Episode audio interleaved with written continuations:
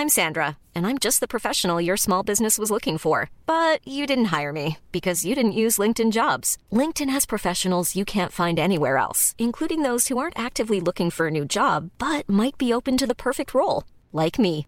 In a given month, over 70% of LinkedIn users don't visit other leading job sites. So if you're not looking on LinkedIn, you'll miss out on great candidates like Sandra. Start hiring professionals like a professional. Post your free job on linkedin.com/people today.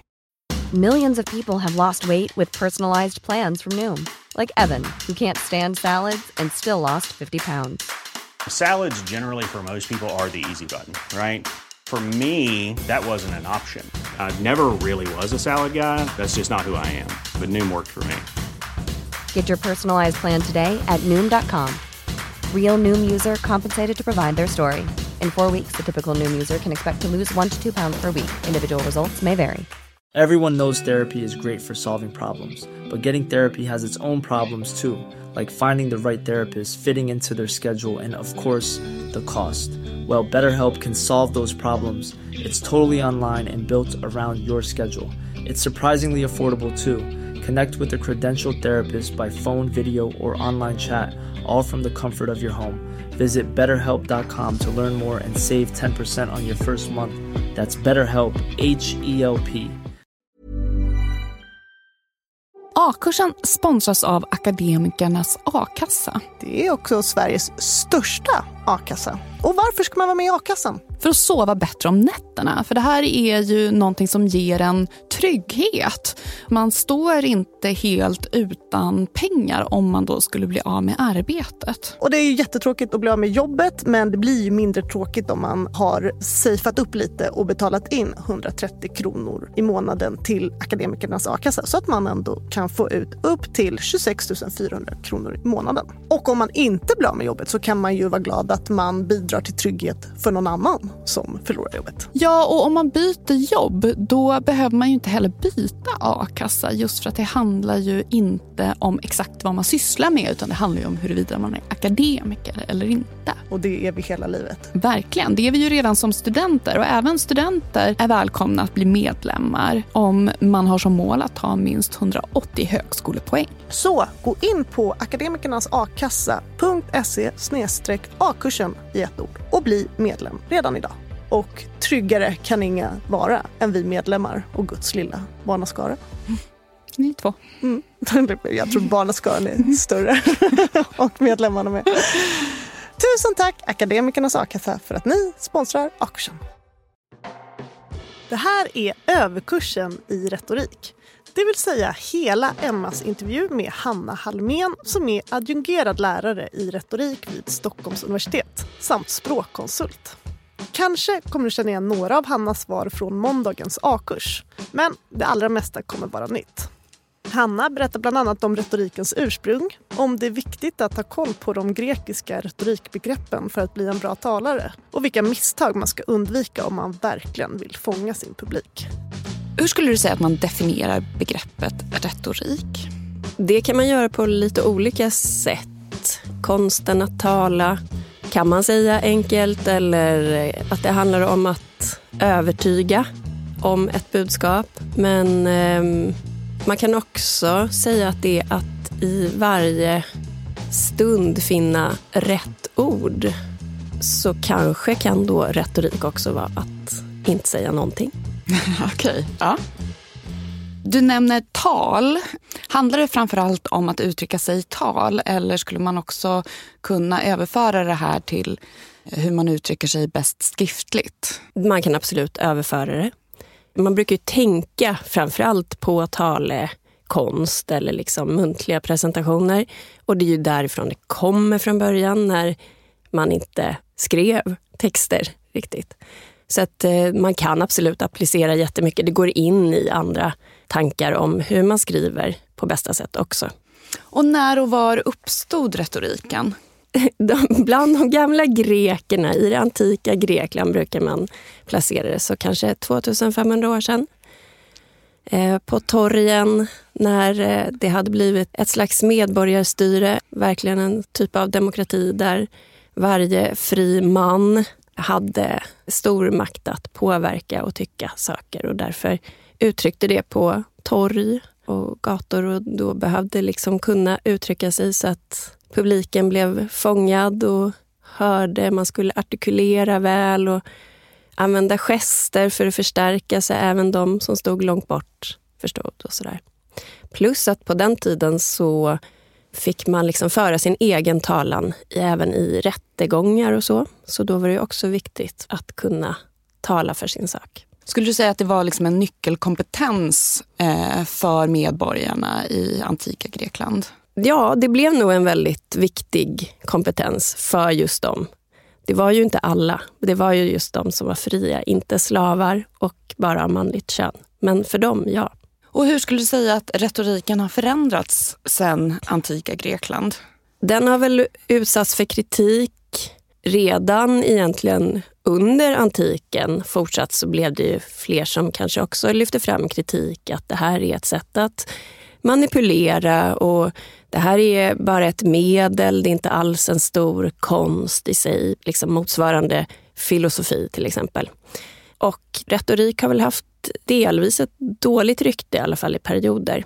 Och idag skulle jag säga att man åtminstone i viss mån skulle kunna säga att retorikbegreppet kanske nästan är bredare. Att man kanske inte förknippade det så mycket med eh, informerande tal och så lika mycket tidigare. Så att på ett sätt kan man säga att eh, retorikbegreppet, i alla fall från min horisont, har vidgats. Men det är väl fortfarande vissa som man kan ju säga så här, det där är bara retorik.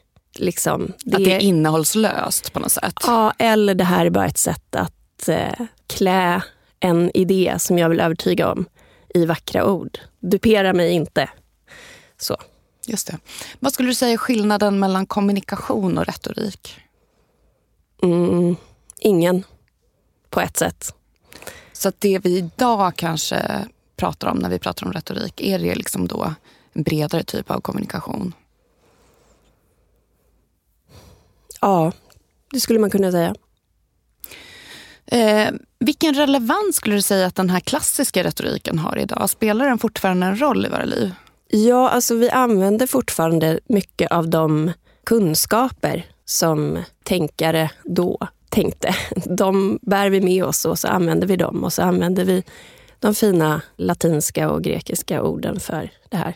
Så det finns ju med i det vetenskapliga ämnet och när vi lär ut och så fortfarande. Och de saker som man fick lära sig på den tiden när man skulle bli en bra retoriker, är det fortfarande relevant för den som vill bli en bra talare 2023? Ja, alltså oväntat mycket skulle jag säga.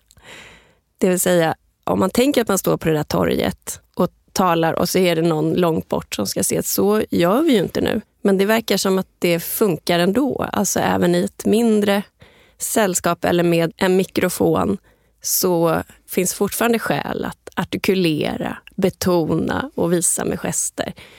Så det är väldigt mycket som vi kan använda även idag. De hade ju inte powerpoint på den tiden. Tack och lov.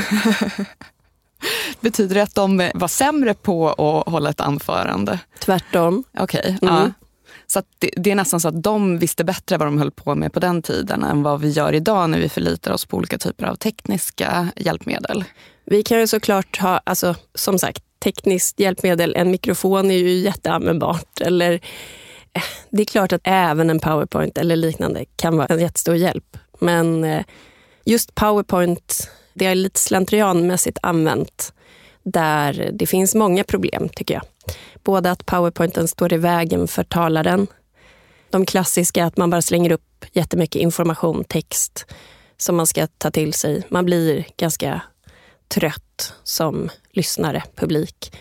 Att man använder powerpointen som både sitt eget manus, det vill säga ett stöd för minnet, vad jag ska tala om, och som dokumentation, det vill säga någonting som publiken, alltså kursdeltagarna, vad det handlar om, ska titta på i efterhand för att minnas vad handlade föreläsningen om? Och som ett stöd för presentationen. Och det är bara det sistnämnda det borde vara. Ju. Just det. Och när du undervisar, har du powerpoint då? ja.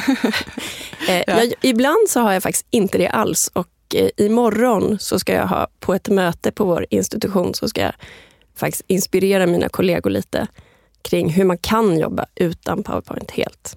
Men eh, ja, även jag syndar. Idag när man studerar retorik, vad använder man sig av för metoder för att utvärdera huruvida någon är en bra talare eller vad som gör en person till en bra talare?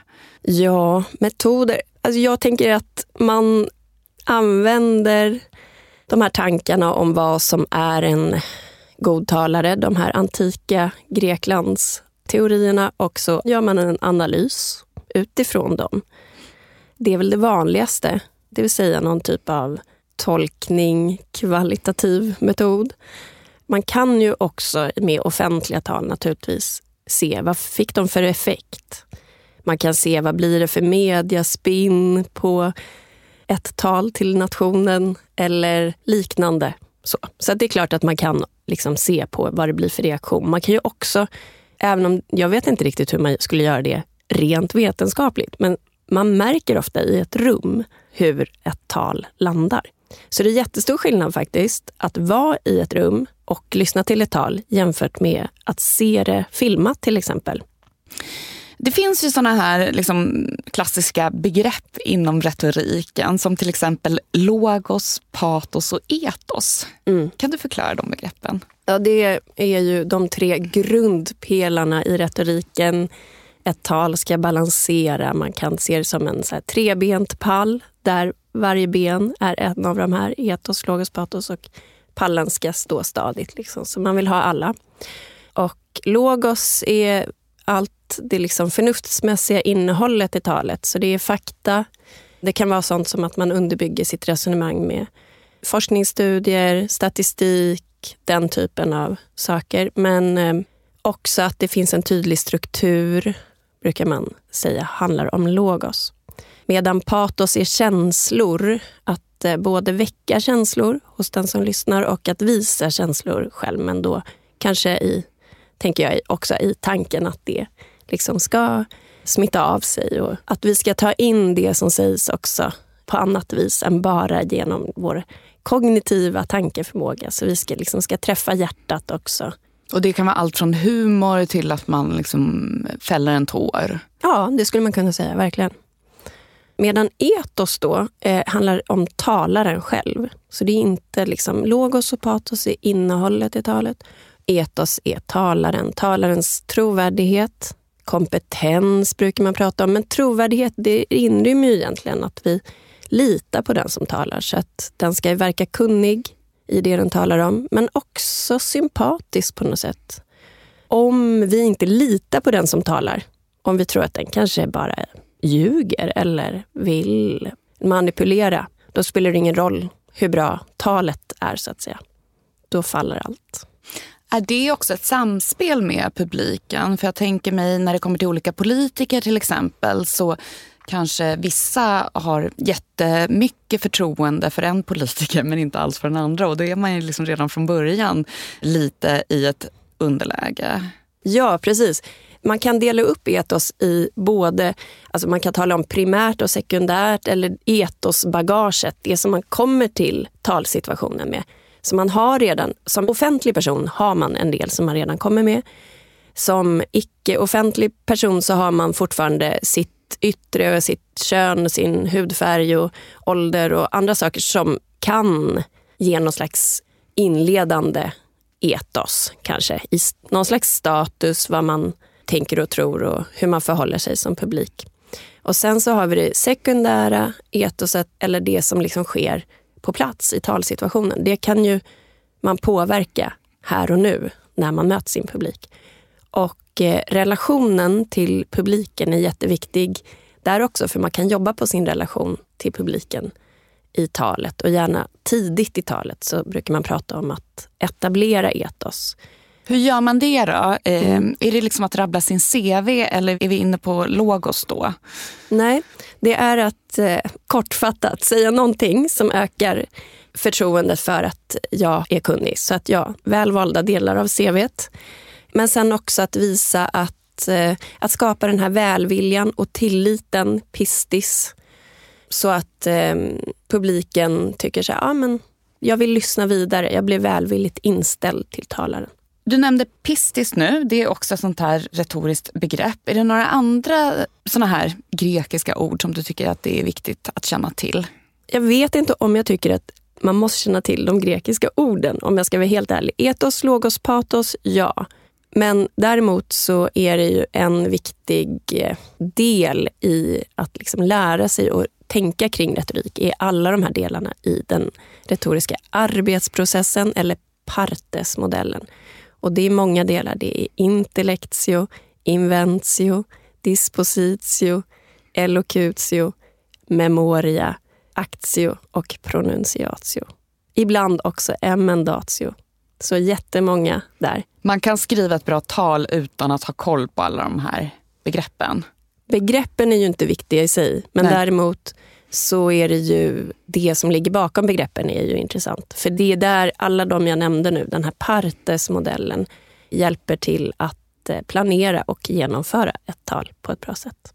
Hur tänker du att man ska göra då om man vill bygga upp ett bra tal och förbereda sig? Man ska pitcha någon idé på jobbet eller man ska hålla tal på sin brors bröllop. Men finns det ändå vissa gemensamma aspekter som jag ska tänka på när jag förbereder mig? Det du gör när du börjar beskriva, det finns olika situationer, det är att du sätter strålkastarljuset på det första steget som är det viktigaste. Det är intellectio, att göra en analys av kommunikationssituationen. Vem ska jag tala för? Vad är syftet? Vad är det för typ av tal jag ska hålla? Eller genre? Så att eh, det är ju förutsättningarna. De måste jag ha koll på från början. Och eh, ofta har man hyfsad koll, men sen så kan man gå in och tänka lite mer kring det. Liksom. Hur kommer det se ut på det där bröllopet? Vilka andra är där? Hur vill jag att min bror och alla gäster på bröllopet ska känna? tänka, tycka, när jag håller talet. Alltså, taltypen ger ju ganska mycket. Det ska ju väcka mysiga, härliga känslor i rummet. Men eh, sen kan man ju precisera det beroende på. Och motsvarande med pitchen på jobbet. Då är det liksom annat. Vilka kommer sitta där? Vad är min roll? är också viktigt att tänka på. Vad har jag för status eller vad har jag för ingångar? Vad är det för knappar jag kan trycka på? Eller är det någonting där de har tvivlat på mig tidigare, då behöver jag ju undanröja det problemet. Så analysen, det här första steget, är egentligen det viktigaste. Och det är ju också motsvarande lika viktigt när man ska skriva en text, att ha klart för sig. Hur viktigt är det för att man ska då kunna framföra ett bra tal att man förstår den här teorin bakom kontra då att faktiskt ha övat mycket? Bra fråga en balans däremellan också. Teorierna ger ju en jättebra ledning i hur man kan lägga upp sitt tal. Så att man inte bara går på gammal vana. Det finns ju den här inte vet jag, liksom powerpoint-traditionen och att generellt skulle jag säga att vi i Sverige idag är ganska vana att hålla logos tunga tal. Därför att vi är vana att göra olika dragningar, föredrag, redovisningar i skolan. Och då är det alltid bara fakta, fakta, fakta om jag hårdrar det lite. Och det gör vi bra, men vi glömmer bort att för att det ska fastna i minnet, för att publiken ska orka och vilja ta emot informationen så behöver vi också jobba med den andra sidan där vi väcker lite känslor, kanske lättar upp, där vi använder kanske till och med föremål, bilder, andra saker för att hjälpa till att förklara eller vad det nu är vi ska göra i vårt tal. Har du några enkla knep för den som vill bli en bättre talare och kanske då väcka lite känslor hos publiken och inte bara rabbla fakta? Ja, jag tror att många här, som jobbar professionellt och särskilt så här, på ett universitet så skulle värja sig för det här med enkla knep på något sätt. För man vill så nej men det är mer komplext än så. Men absolut, Fundera på om du kan ge en personlig ingång i ämnet som du kommer att tala om.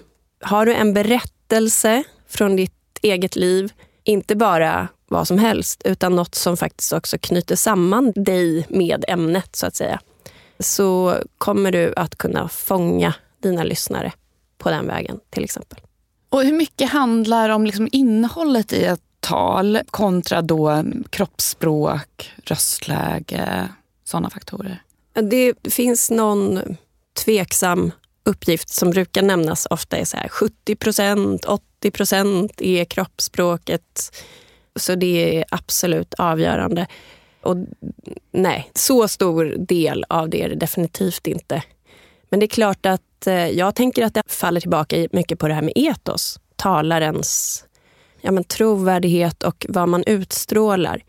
Har vi en talare som verkar bekväm i talarsituationen, som har ögonkontakt, som rör sig liksom med eh, någon slags eh, självsäkerhet eller liksom inte står liksom och känns helt stel och bara vill därifrån utan tvärtom verkar vilja stå där och är engagerad, vill mig någonting, visar det med sin kropp och sin röst. Då blir det så mycket lättare att lyssna. Vi har varit inne på det lite, att retorik kan ha ett lite dåligt rykte. Att vissa associerar det till att försöka vilseleda och manipulera. Vad tänker du om den kritiken? Att det är ett ämne som är nära förknippat också med någon typ moral och etik. Liksom lär du de här verktygen så kan du naturligtvis använda dem i olika syften. Att retoriken är varken ond eller god, utan den kan användas antingen för att göra gott eller för att göra skada. Ja. Hur viktigt är det att ta hänsyn till publiken eller rådande omständigheter när man håller ett tal? Det är helt avgörande. Det är A och O. Och hur tänker du att man ska tänka då? Är det att försöka få med publiken i det här talet så mycket som möjligt? Ja, alltså det är på alla nivåer skulle jag säga. Det är både att välja ett ämne och en vinkel på ämnet som kommer slå an något hos publiken enligt vad jag bedömer då i förväg. Vilka argument eller vilket annat innehåll jag tar upp. Hur jag beskriver det, förklarar det, visar det. Också anpassat hela tiden med tanke på publiken. Är det något särskilt man ska tänka på om syftet med ett offentligt tal är att informera allmänheten om någonting? Ja, absolut. Alltså, jämfört med om syftet vore något annat. Alltså, syftet kommer ju alltid att eh, bestämma en del om hur jag lägger upp talet. Jag tänker med, med information så är det liksom viktigt att man är väldigt tydlig, att man artikulerar, att man kanske på olika sätt försöker använda sig av enkla ord och termer. Absolut, allt det är viktigt. Och eh, här hjälper ju retoriken till mycket. Att man kan få hjälp att förstå vad... Hur skapar man så minneshakar? Sånt som krokar fast i minnet, sånt som vi minns efteråt och kanske kan återge, berätta om kan man komma ihåg det till och med en vecka senare och berätta det för någon. Det kan handla om att hitta bra metaforer eller fysiska till och med representationer. Hans Roslings tvättmaskins eh, TED-talk. Har man inte sett det så rekommenderas. Det är ett TED-talk från 2010, men det är suveränt. Där han har en tvättmaskin på scenen och eh, inleder med att berätta en berättelse om hur han, när hans eh, mamma fick en tvättmaskin och mormor var där och skulle titta på hur tvätten tvättades. Och sen så använder han den här tvättmaskinen som en typ av symbol för ett resonemang kring levnadsstandard och också kvinnors frigörelse eller liksom möjligheter till utveckling i världen. Så att en liten symbol och dessutom ett fysiskt föremål på en scen om man minns tvättmaskinen så minns man också resonemanget. Så det är väldigt elegant. Har man en sorts övertro på att liksom information inte behöver liksom paketeras? Att man på något sätt bara ska rabbla fakta och sen ska folk komma ihåg det och sen till och med kanske gå ut och ändra sitt beteende på något sätt? Ja, jag tror att det brister i analysen. Det är ofta avsändarfokus, inifrån perspektiv vi måste få med det här och det här och det här och det här. Men det är som att man har glömt att det ska också landa någonstans. Och vi människor är ju jättedålig minnesfunktion. Vi kan ju behålla ungefär sju enheter i vårt arbetsminne på samma gång. Och det kanske är lite abstrakt uttryckt, men det betyder ju att vi glömmer ju jättefort. Plus att vi tappar fokus också jättefort och börjar tänka på annat. Vi är liksom ganska hopplösa där. Så att eh, man behöver vara övertydlig och jobba just med kanske att man tar något visuellt medel och att portionera ut ganska lite fakta och sen liksom en konstpaus, att vi hinner smälta det. Gärna koppla det till känslor och de här andra sinnesintrycken, just att det kanske är ett föremål eller en metafor som vi liksom ser framför oss. Då hakar det fast bättre i vårt minne. Så istället för att försöka trycka in så mycket fakta som möjligt så ska vi försöka skala av? Skala av och komma på just de här andra knepen och våga vara lite. För det tror jag är lite så här, det tar emot. Särskilt om man då kanske är någon typ av, inte vet jag, myndighetstjänsteman. Att eh, kanske stå där och plocka fram klossar och sådär som just Hans Rosling höll på med mycket. Men det kommer vara det som är det som funkar bäst. Ska man tänka på ett annat sätt om syftet med ett offentligt tal är att bygga relationer eller signalera att man är en stark ledare? Ja. Hur ska man tänka då? Ja, men syftet är ju då det du säger, att hitta ett vi. Det är patostarkt. Jag menar, det informerande talet kommer ju ändå ha viss... Alltså även om jag nu har sagt att det ska vara balans mellan logos och patos och vi ska få med allt. Så ett sånt här relationsskapande tal, ett tal till nationen till exempel, det ska ju framför allt handla om patos, om känslan. Att eh, den som talar framstår som en sympatisk och mänsklig, någon som är lik mig som lyssnar. Man ska kunna hitta de gemensamma nämnarna. Det ska ju vara ett upplyftande, stärkande, innehåll på något sätt som liksom gör att man känner sig, även i en svår situation, känner hopp. Det är väldigt viktigt att visa ett engagemang. Att det liksom måste få lysa igenom i hur man använder rösten och kroppen. Man brukar väl säga att det här med att använda kropp och röst liksom trots allt hamnar mer åt patoshållet. Det är liksom ändå det som kommer förstärka på känslosidan framför allt. Även om det såklart också kan förtydliga. Det låter både liksom enkelt och svårt. Enkelt är att kanske använda ord som vi när man vill bygga en gemenskap. Absolut. Och sen på det svårare hållet är att kanske verkligen känna att den här politiken bottnar i den här gemenskapen. Mm, verkligen. Kan ett knep vara att försöka kanske då smutskasta någon annan grupp och på så sätt kontrastera att vi är den här gemenskapen medan de här andra... Nej, tvärtom. Det skapar ju splittring. Ja. Så då motverkar man ju det där syftet. Om Ja. man nu vill ena hela nationen på något Ja. sätt. Och sätta fingret på det här är ideal som vi står för som nation. Som de flesta då kommer känna, ja det här skriver jag under på. Jag håller med. Vi ska, vad det nu handlar om, vi ska vara rakryggade, vi ska stå upp mot våldet eller vi ska gå samman, vi ska stötta varandra. Alltså det ska vara den typen av budskap och inte smutskast.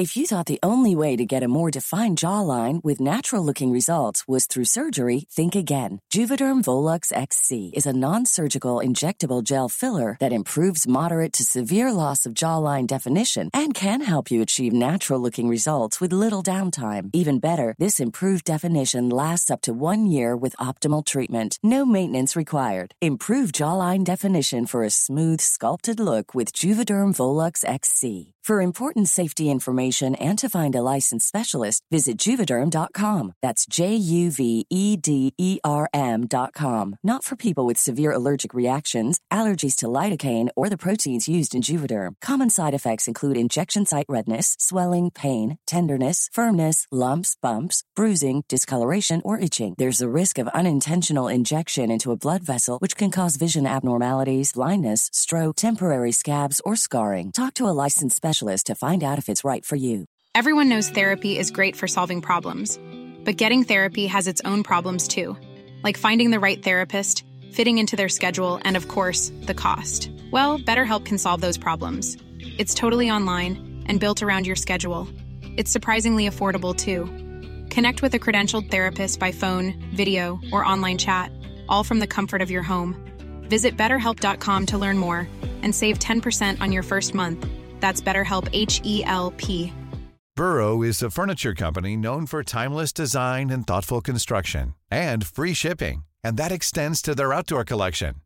Their outdoor furniture is built to withstand the elements, featuring rust-proof stainless steel hardware, weather-ready teak, and quick-dry foam cushions.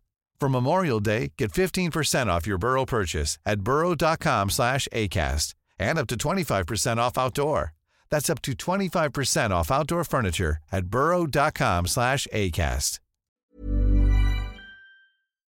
Det vi har pratat om det är ju att det är viktigt att anpassa sitt sätt att tala beroende på vilket budskap man vill nå ut med och vilken typ av roll man har. Vi ser ju att olika politiker de går ju från att befinna sig i opposition till att till exempel vara den som leder landet. Och jag antar att det är lite olika typer av retorik som gäller här beroende på vilken roll man har. Kan det vara svårt för en politiker att göra den här omställningen? Att gå från att vara någon som kan liksom framföra väldigt hård kritik till att signalera att man är den som leder landet och tar ansvar? Ja, det verkar ju onekligen så.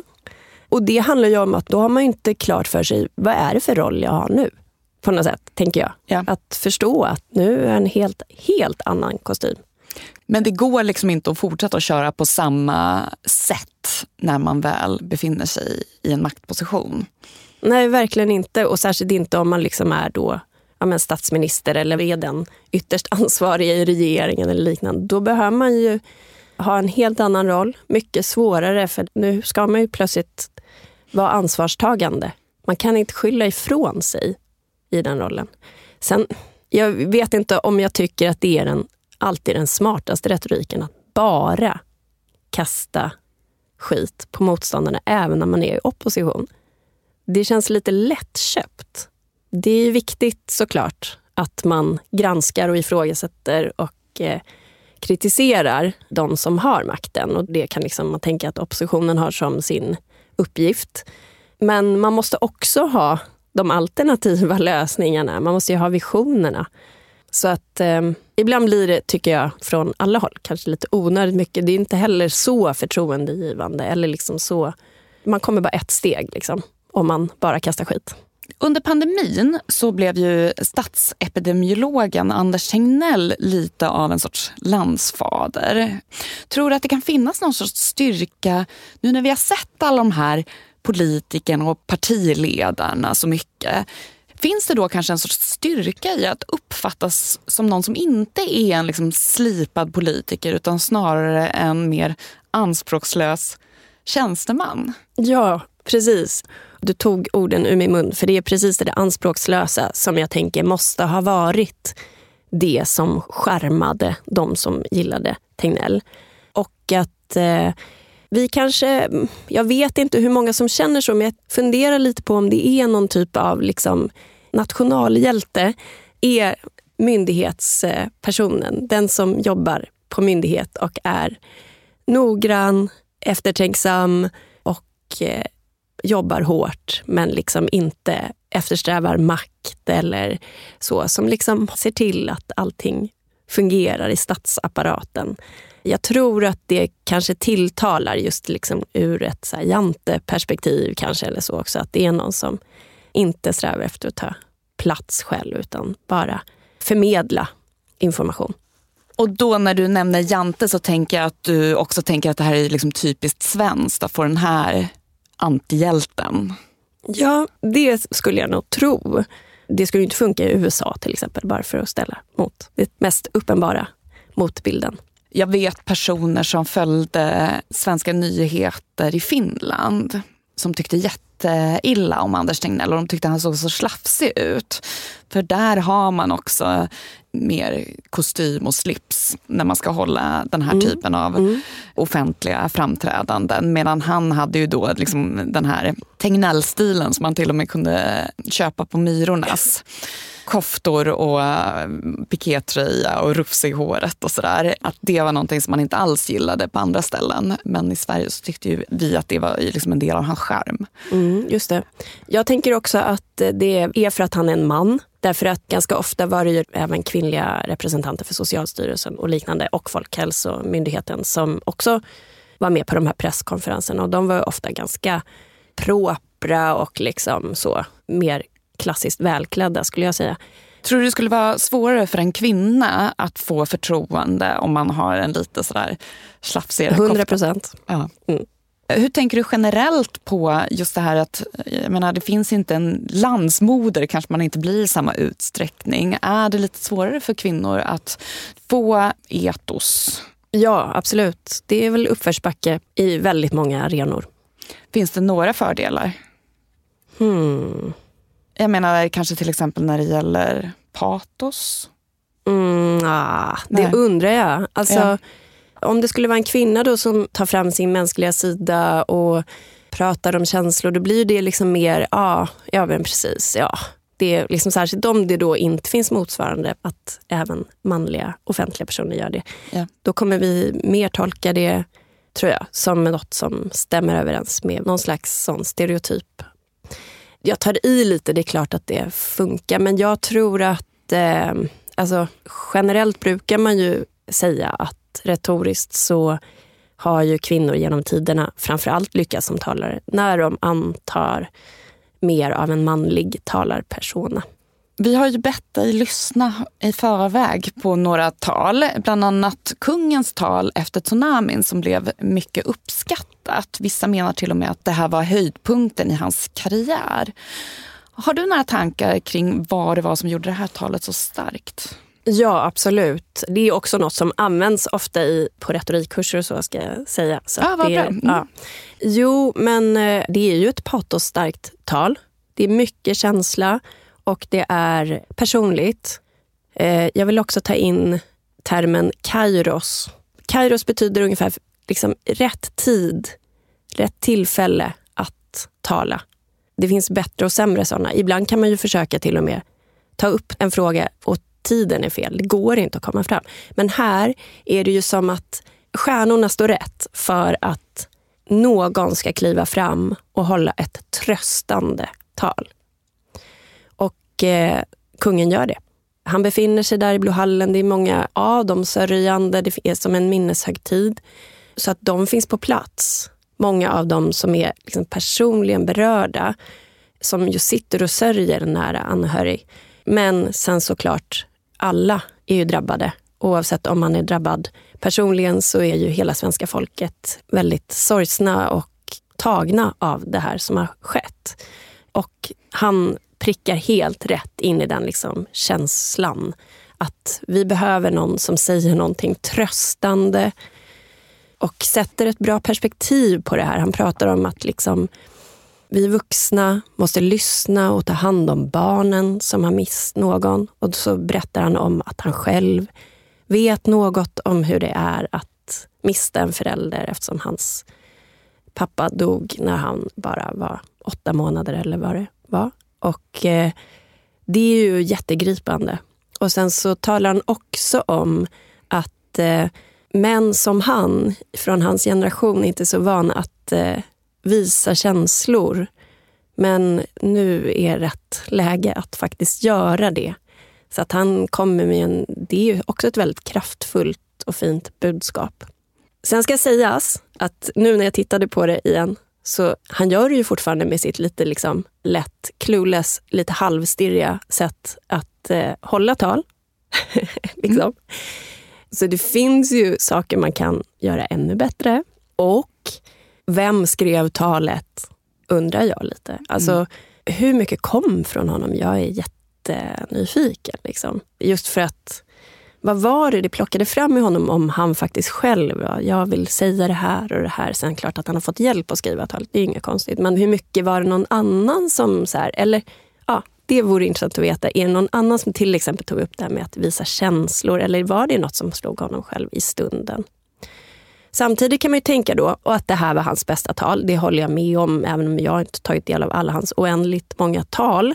För han har ju jättemånga hej örebroare tal som är helt irrelevanta för alla som inte bara råkar vara där att lyssna på. Men det är ju situationen som framkallar det här. Som sagt, annars om man ska klippa ett band någonstans eller liksom prata inför någon liten skara, då kan han ju inte börja prata om när jag var liten så hände det här mig. Då kommer ju alla bara, men oj, vad har hänt? Har han fått en smäll i huvudet? Liksom.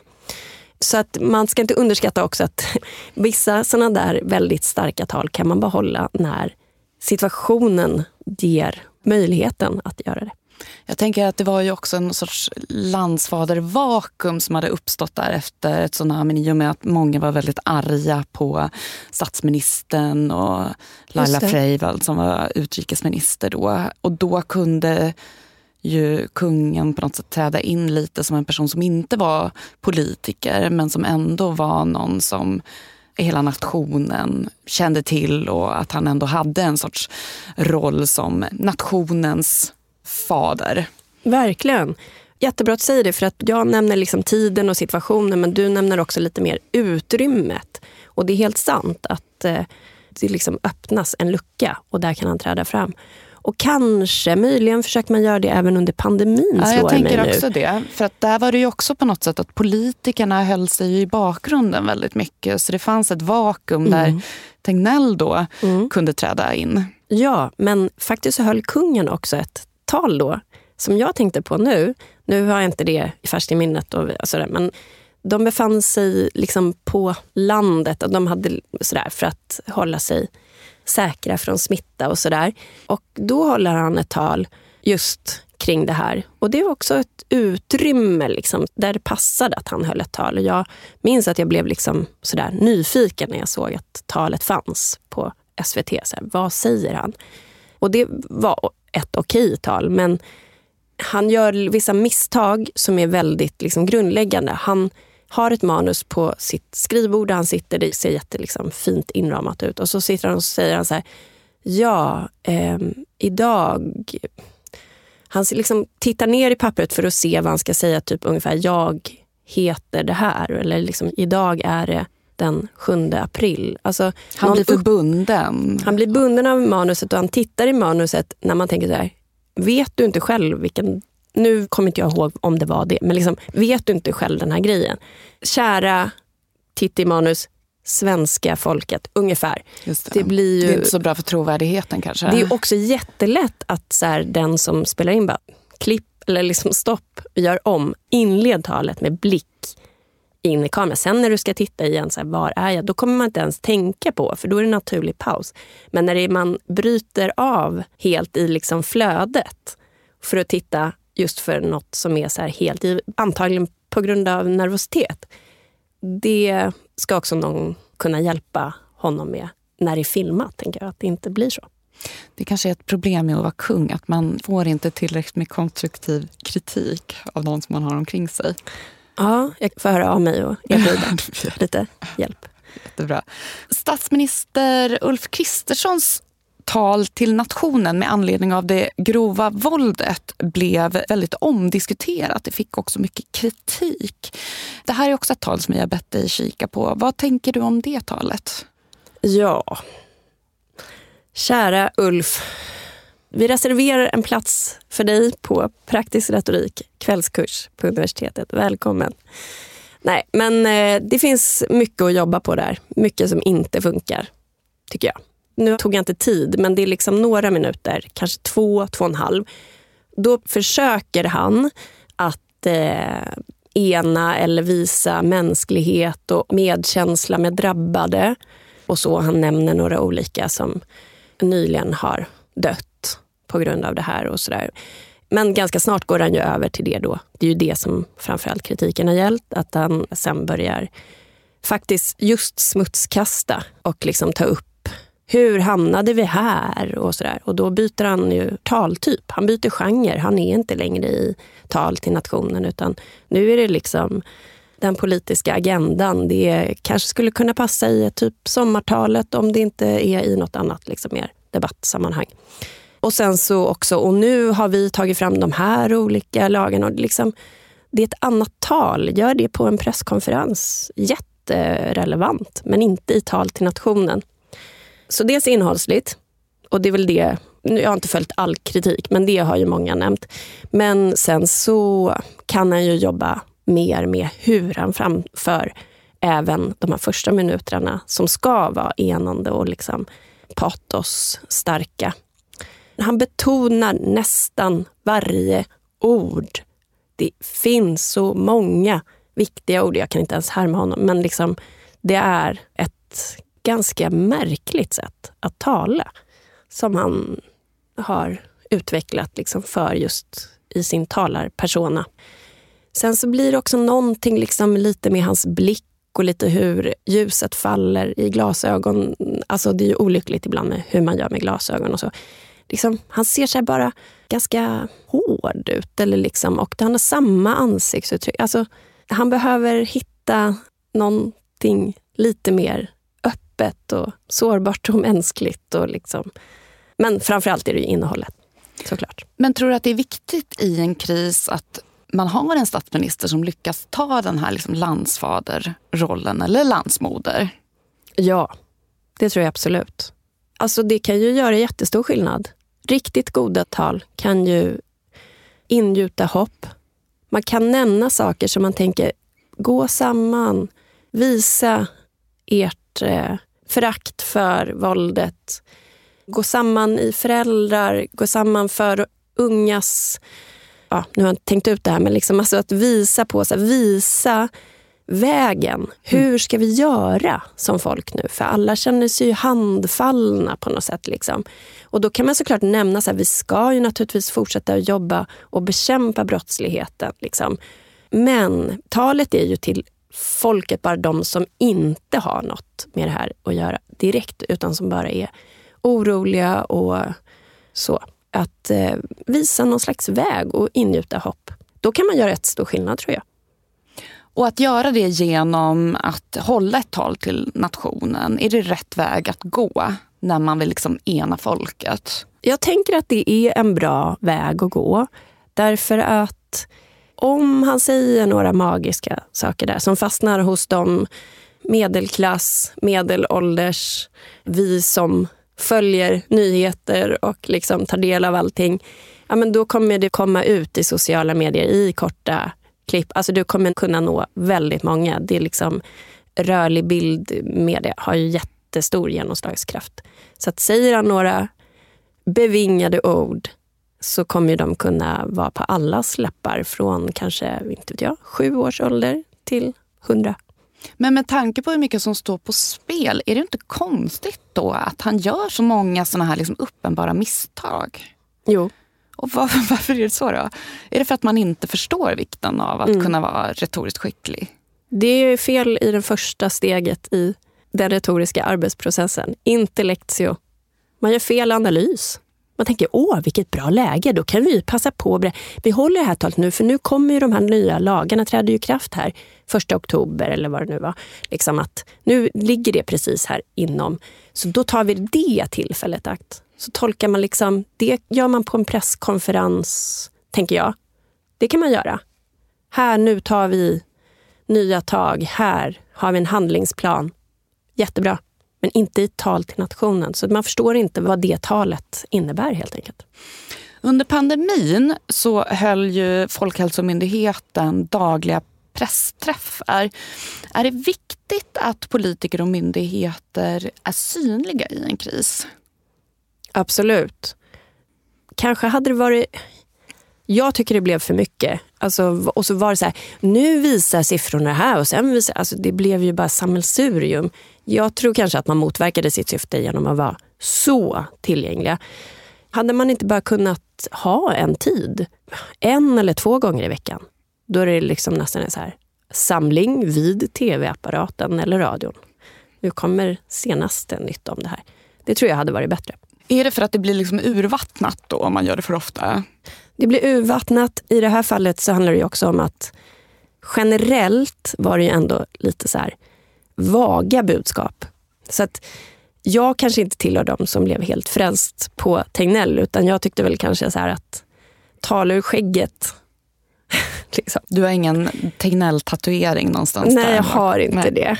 Men jag tror svär, min svärmor till exempel, hon gillade Tegnell. Men jag tänker att det liksom kräver att man, man är så lite, det är en viss typ av människa. Akademiker, ja, men lite så högutbildade, de kan säga, aha, okej, det är det här läget. Ja, då ska jag bedöma, ja, just det, då gör jag så. så ta ett ansvarsfullt beslut. Det var ju ganska uppenbart att eh, många bara, nej men det var ju rekommendation, det är inte en regel jag behöver följa. att myndighetsrekommendation betyder något annat. Alltså, det blev ju någon slags lite liksom glapp mellan lingon som myndigheten använde och allmänspråket. Alltså, skälet till det är ju att myndigheter ska inte ge order. Och så här. De gjorde ju precis rätt enligt sin regelbok. Men då måste man ju på andra änden, den som tar emot, förstå det. Hur kommunicerar en myndighet och vad har de för befogenheter? De kan inte liksom säga gör så här, utan de kan bara uttrycka sig lite vagare. Men jag tänker mig att det här knyter an till det som du pratade om tidigare. Just det där att kanske inte ha så mycket fokus på sig själv utan mer förstå målgruppen och vad de behöver höra och hur de tar emot ett budskap. Ja, precis. Och har man inte så mycket att säga så kanske det inte finns heller någon anledning att synas varje dag. Jag tror att de trodde att de gjorde någonting väldigt jag tror att de fortfarande tror att det var jättebra med de här dagliga presskonferenserna just för att det blev en sorts transparens och synlighet. Men jag tror också att det blev för mycket. Just det. Och så nästan varje dag skulle det presenteras olika siffror också. Och eh, jag menar, det är ju inte hjälpsamt. Och så sa ju ofta Tegnell så här, ja och då har ju inte allt hunnit komma in här över helgen och det betyder det här och det här. Alltså det blev bara så här, man bara, men varför visar ni siffrorna när ni inte där var det ju verkligen ingen analys av vad är vi behjälpta av här. Och där måste jag säga också att jag tyckte att journalisterna gjorde ett ganska bristfälligt arbete genom att bara fortsätta fråga. Liksom, de ifrågasatte inte liksom, eller lyfte sig liksom inte riktigt över den här diskursen som hade skapats. Utan alltså istället så här, kanske fråga sig, vad ska vi ens göra med de här siffrorna? Finns det någon mening? Kan vi verkligen ta ledning av dem? som medborgare? Eller vad är det vi ska lyssna på här? Har något ändrats sen igår? Liksom? Men där tyckte jag att journalisterna var lite som någon slags bara hundar. Liksom, som Tegnell står där, han pratar, nu ställer jag samma frågor som jag ställt varje gång. Och de är väldigt så här, oreflekterade. Så tyckte jag det var. Vad jag har förstått också, det var ju att medierna ville att de skulle ha de dagliga presskonferenserna för det var så bra tittarsiffror. Mm. Så att det var också att Folkhälsomyndigheten gjorde det för att journalisterna ville ha det. Mm. Så det är också på något sätt man ser kanske journalister som sin målgrupp snarare än allmänheten. Ja, det var ja. ett sidospår. Ja, det var jätteintressant. Mm. Du nämnde ju också att ni använder kungens tal ibland i undervisningen. Är det några andra sådana exempel som ni tycker är liksom så, Du nämnde i och för sig också Göran Persson då vid Anna Lind. Finns det några andra sådana där tal som ni ibland använder? Liksom, finns det något sånt där perfekt tal nästan? Ja, I have a dream Just brukar det. man ju alltid nämna också. Varför gör man det? Det är ju också mycket formen. Men även liksom, vad hände i medborgarrättsrörelsen i USA när Martin Luther King håller det talet? Liksom. Det kan man kalla för ett liksom, kamptal. Att liksom, många tycker redan, alltså det är redan frälsta massor, men talet tar det liksom den sista biten att man blir helt, ja men nästan euforisk och liksom ja, nu kör vi liksom. Nu finns det ingen som kan stoppa oss. Uppeldande känsla i publiken. Tack Hanna Halmén för att du ville gästa vår podd och tack för att du har lyssnat. Det här avsnittet spelades in på Beppo och nästa vecka är Emma Frans och jag, Klara Wallin, tillbaka med en ny A-kurs och överkurs. Många av er lyssnare har hört av er med önskan om att vi ska göra något på Israel-Palestina-konflikten så det är precis vad det kommer handla om. Prenumerera på A-kursen i din poddapp så får du en notifikation när avsnitten kommer ut. Planning for your next trip?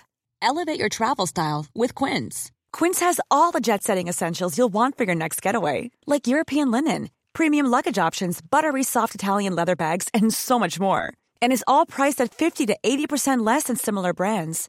Plus, Quince only works with factories that use safe and ethical manufacturing practices.